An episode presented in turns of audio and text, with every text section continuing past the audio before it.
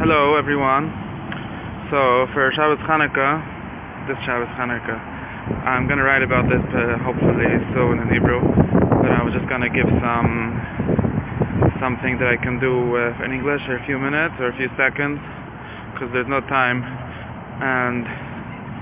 I want to talk about the fact that there's no time, but what it means to be alive when there's no time.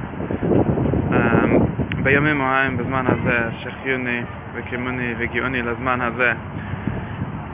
there's like two ways of looking at the world and there's a dead way and a live way and dead way is very much connected often gets connected with things like searching for meaning with things like uh, searching for wisdom with things like searching for something uh, eternal something uh, something that's kind of like some kind of um, something to achieve, something to attain that that's like not day to day, just waking up and being alive. And I think that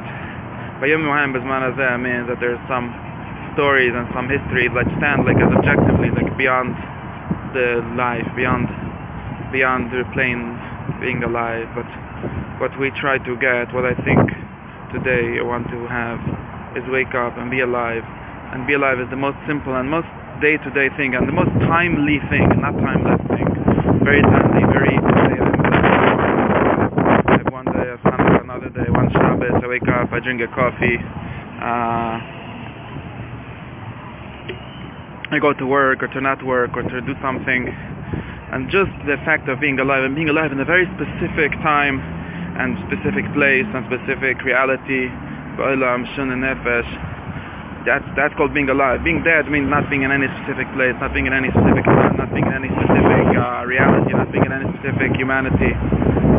But being alive is just Juni v'kimuni v'gini lazman hazeh to this time, to this today, to this universe, to this city, to this street, to this house, to this coffee, to this life that we have, and we make a brecha on being alive, which is a very great thing, which we don't do usually. Shechiyuni and we say that she made miracles in those days, which in some kind of abstract history, was there. we want to recognize it in this time and just waking up and breathing, being alive, and doing live videos on Facebook because that's also being alive, and just want to be alive, and it's very hard to describe, but it's just the feeling and the existence of being alive and not anything beyond that, not anything timeless, very timely, very in this time. Good morning, good afternoon, good Shabbos.